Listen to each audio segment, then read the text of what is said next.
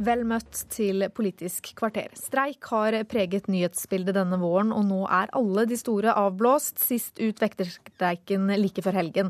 Og statsminister Jens Stoltenberg, du er med oss eh, på telefonen. Er du lei alle streikene? Jeg er jo, eh, som alle andre mennesker, eh, opptatt av at vi prøver å unngå streik. Men jeg tror ikke jeg skal bruke ordet lei av streik, fordi streik er en del av vårt demokratiske system for fri eh, lønnsdannelse der eh, uavhengige parter forhandler, og da vil det noen ganger bli streik. Eh, men så er jo alle opptatt av å forsøke å organisere slik at sannsynligheten for streik blir så liten som mulig. Og det har vi stort sett lykkes godt med i Norge, for Norge er et land med færre streiker enn de fleste andre land, også når vi tar med denne våren her hvor det har vært noen streiker. Men er systemet godt nok i dag? Vi har et system som har gjort at vi har Europas laveste arbeidsløshet, som har gjort at vi har en god vekst i kjøpekraft både for de ansatte i offentlig sektor og for de i privat sektor. De har hatt omtrent 30 eh, lønnsvekst i siste, eller siden 2005. og selv om vi trekker fra prisstigningen, så blir det god utvikling i kjøpekraft både for folk i privat og offentlig sektor. Men det er ikke slik at et eh, godt system ikke kan bli bedre. Og vi ser svakheter. Vi så at det ble en del streiker i eh, vår. Streiker som noen har stilt spørsmål om kunne vært unngått. og Da mener jeg det er klokt å invitere partene i lønnsoppgjøret til å sette seg ned, drøfte erfaringer og se hva vi kan gjøre eh, for å gjøre et godt system enda bedre. Ja, For å unngå flere streiker i framtida? Ja, for i hvert fall unngå streiker som ikke er helt, helt nødvendige. Eh, fordi streik er en sikkerhetsventil i et system der vi heldigvis lever i et uh, samfunn der ikke staten bestemmer akkurat hva folk skal tjene. Men det er noe som bestemmes gjennom forhandlinger mellom parter i arbeidslivet, både i privat og offentlig eh, sektor. Eh, og så er jeg opptatt av å ha et lønnssystem som gjør at det fortsatt er slik at det, er hva de bedriftene som konkurrerer med utlandet, konkurranseutsatte bedrifter, tåler av lønn, som må bestemme den samlede lønnsveksten i samfunnet. Men hvordan man fordeler det, hvem som får mye og hvem som får lite i forhold til en eh, slik ramme, det er selvfølgelig veldig viktig å forhandle gjennom forhandlinger men vi kan få en ny måte å forhandle lønn på i framtida? Jeg tror ikke nødvendigvis det blir en totalt ny måte, men jeg tror at eh, det kan være ting å lære i forhold til eh, det som skjedde i vår. Og Det kan være slike ting som hvordan sammenligne lønnsveksten i privat og offentlig sektor. Eh, det kan være slike ting som rutinene i offentlig sektor, f.eks. hva gjør man i kommunesektoren hvis det ikke har blitt løsning i statssektoren. Det er den type viktige ting som kan bidra til at et godt system kan bli enda bedre. Takk til deg, statsminister Jens Stoltenberg. Siv Jensen, du er lei. Du vil skattelette i stedet for kronetillegg, slik at lønnsveksten holdes nede. Hva er det som ikke fungerer i dag? Jeg har vel ikke sagt at jeg er lei. Jeg har sagt at det er på tide å begynne å se på andre måter å tilnærme seg lønnsoppgjøret på. Eh, for de aller fleste lønnsmottakere så handler det om kjøpekraftforbedring. Eh, og da er det to måter å få til det på. Enten gjennom et økt kronetillegg, altså at beløpet på eh, bruttolønna di blir høyere. Eller at du får beholde mer av det du allerede har i lønn, gjennom at staten krever inn mindre i skatter og avgifter. Og Fremskrittspartiet syns i hvert fall at det bør være et av bidragene i samtale med partene. Rett og slett fordi det gir kjøpekraftforbedring uten at det svekker konkurransekraften. Og det er litt av problemet. Nå har vi altså gjennom de siste årene Eh, så har Det tekniske beregningsutvalget eh, sett at eh, timelønnskostnadene for norsk industri er 50% høyere enn våre handelspartnere i EU. Det er mye i forhold til hvis man skal se dette med konkurranseøyne. Og i tillegg så har altså den kostnadsmessige konkurranseevnen for industrien svekket seg med i underkant av 3% hvert eneste år gjennom de ti siste årene. Og det er en utvikling som er bekymringsfull hvis våre bedrifter skal stå seg i konkurransen over tid. Tor Arne Solbakken, nestleder i LO, hva tenker du om det du hører her?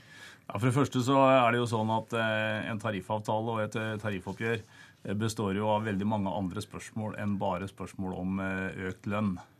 Og så er det jo også sånn at skattelette har jo den prisen i den andre enden. Da, at det skattepengene går til, nemlig den norske velferdsstaten og utviklingen av velferdsstaten, vil jo lide av eh, skattelette. Og så går jeg ut fra at selv ikke Siv Jensen og Fremskrittspartiet liksom har 10 milliarder hvert år å legge inn i skattelette som erstatning for lønnsoppgjøra. Så eh, jeg tror ikke det der bærer veldig lenge. Ja, men her avslører jo LO at de har blitt sånn, litt sånn indoktrinert i rød-grønn eh, skatte, eh, si, skatteretorikk. For det er nå engang sånn da, at staten er en betydelig eh, arbeidsgiver. Så kan man enten diskutere om staten skal først kreve skattepengene dine inn, for så å gi de ut igjen gjennom høyere kronetillegg. Eller om de skal la være å kreve inn så høy skatt som de faktisk gjør, slik at lønnsmottakerne får beholde litt mer. Det er jo altså, det er summen av de pengene staten har i kassa, som går til, å, til, alle de formålene vi betaler for i vårt samfunn, også velferd. Men det er jo ikke sånn at hvis du lar være å ta inn skattekroner, så går det utover eldreomsorgen. Men hvis du gir høye kronetillegg, så går det ikke utover eh, eldreomsorgen. Her har LOs argumenter mange logiske brister, og jeg syns dere kan tilnærme dere dette på et litt annet vilkår enn bare å være mot skattelette. Kan ikke dette bedre kjøpekraften, blant annet? Nei, altså hvis du eh, sier at du skal ha fem lønnsoppgjør av fem år, på fem år så skal altså Siv Jensen bruke 50 milliarder kroner i skattelette i stedet for, uh, i stedet for kronetillegg i, i lønnsoppgjøra.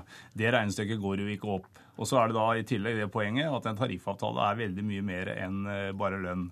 Så det forslaget om å bruke skattelette som det eneste middelet i forhold til kjøpekraftsutvikling, det er nok Fremskrittspartiet ganske isolert på, det jeg er overbevist om.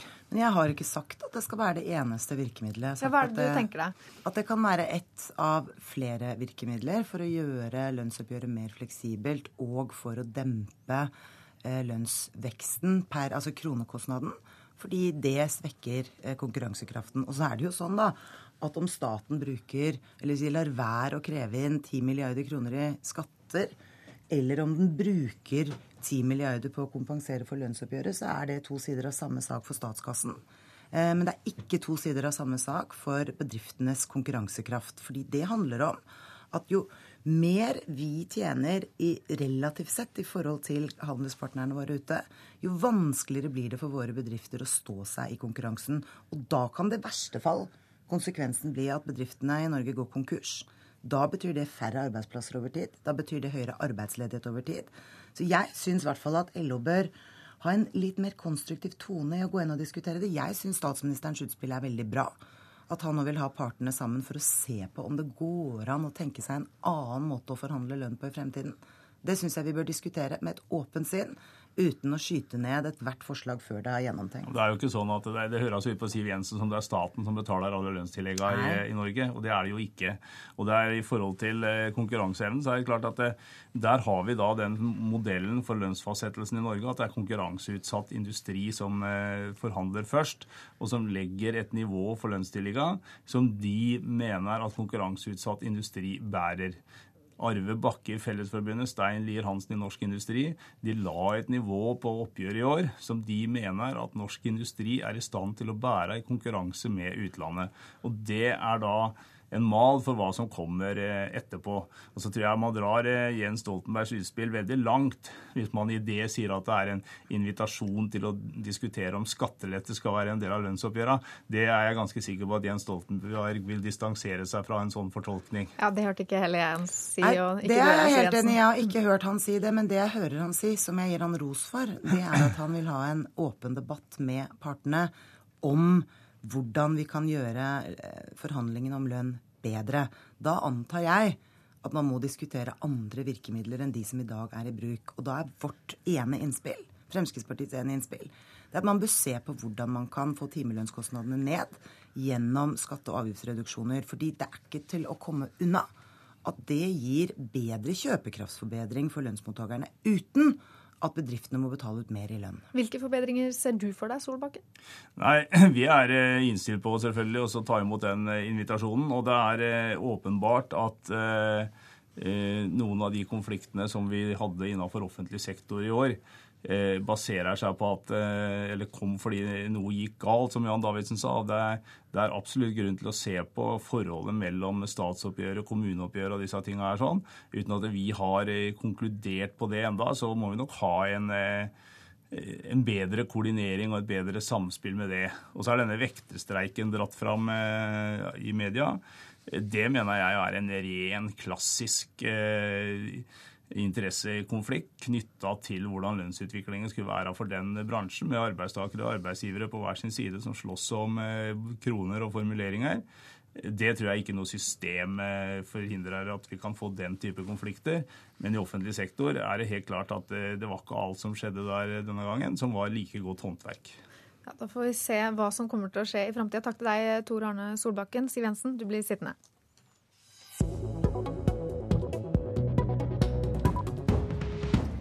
Klimaskeptikeren Fred Goldberg anbefaler Fremskrittspartiet å gå til valg på et tydelig budskap om at det ikke finnes menneskeskapte klimaendringer. Fredag møtte han partiet for fjerde gang for å holde foredrag om at menneskene ikke påvirker klimaet. Det oppfatter han at også er Fremskrittspartiets syn på saken. Jeg har printet det ut her, men jeg kan si at jeg har skickat på mail til deg. Den omstridte klimaskeptikeren Fred Goldberg leter fram lesestoff fra kofferten sin. Og så har du her 'Hvorfor fusker klimaforskerne'? Mens partiene på Stortinget gjorde ferdig innstillingen om klimameldingen på fredag, holdt Goldberg foredrag for Fremskrittspartiets stortingsgruppe. Selv ser han på Frp som sin meningsfelle i kampen mot troen på menneskeskapte klimaendringer, som det eneste partiet i Skandinavia. Fremskrittspartiet er det enda partiet som har gått ut og, og gått imot oppfatningen om at menneskene påvirker klimatet med hjelp av koldioksidutslipp. Og det er jo helt korrekt. Det finnes ikke et enda vitenskapelig bevis på at menneskene påvirker klimatet. Det er bare hypoteser og modeller som påstår det.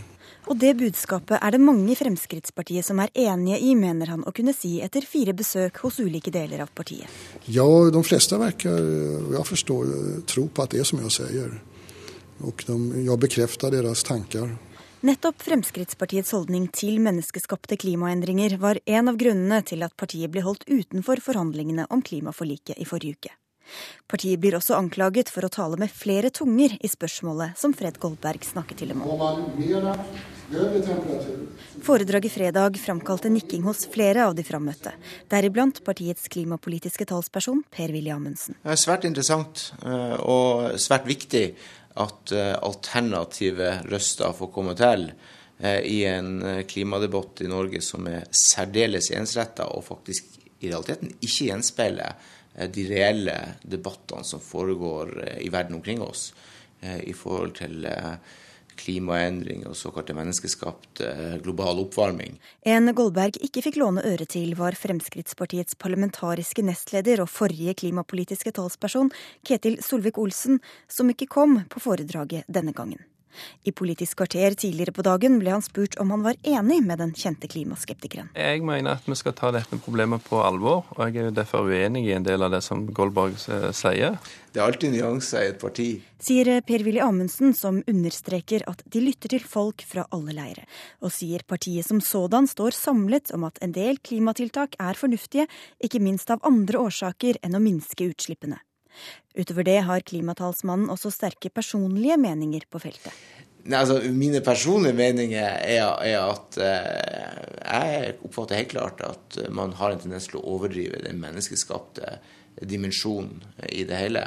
Eh, og, og, Fremskrittspartiet er også veldig klar på at eh, det kan være eh, ting som tyder på at eh, det skjer.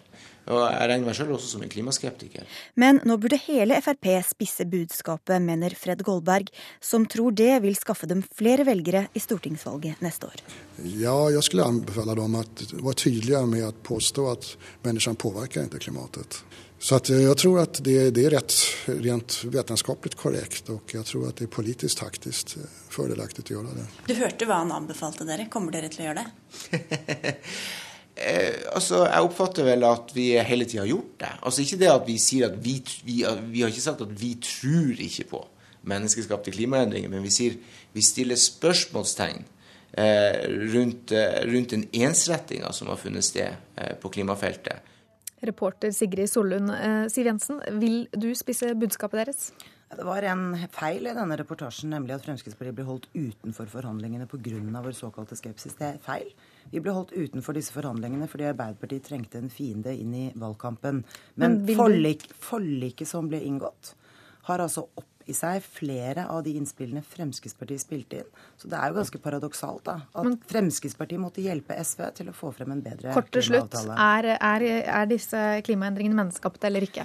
Fremskrittspartiet er nå i en programprosess. Vi lytter til Fred Goldberg, vi lytter til Bellona, vi lytter til alle som har synspunkter i dette. Så trekker vi vår konklusjon en gang i løpet av dette året. Og så vil vi delta i debatten også i neste stortingsperiode. Så foreløpig ikke noe spissa budskap. Takk til deg, Siv Jensen. Og det var Politisk kvarter med Veronica Westrin.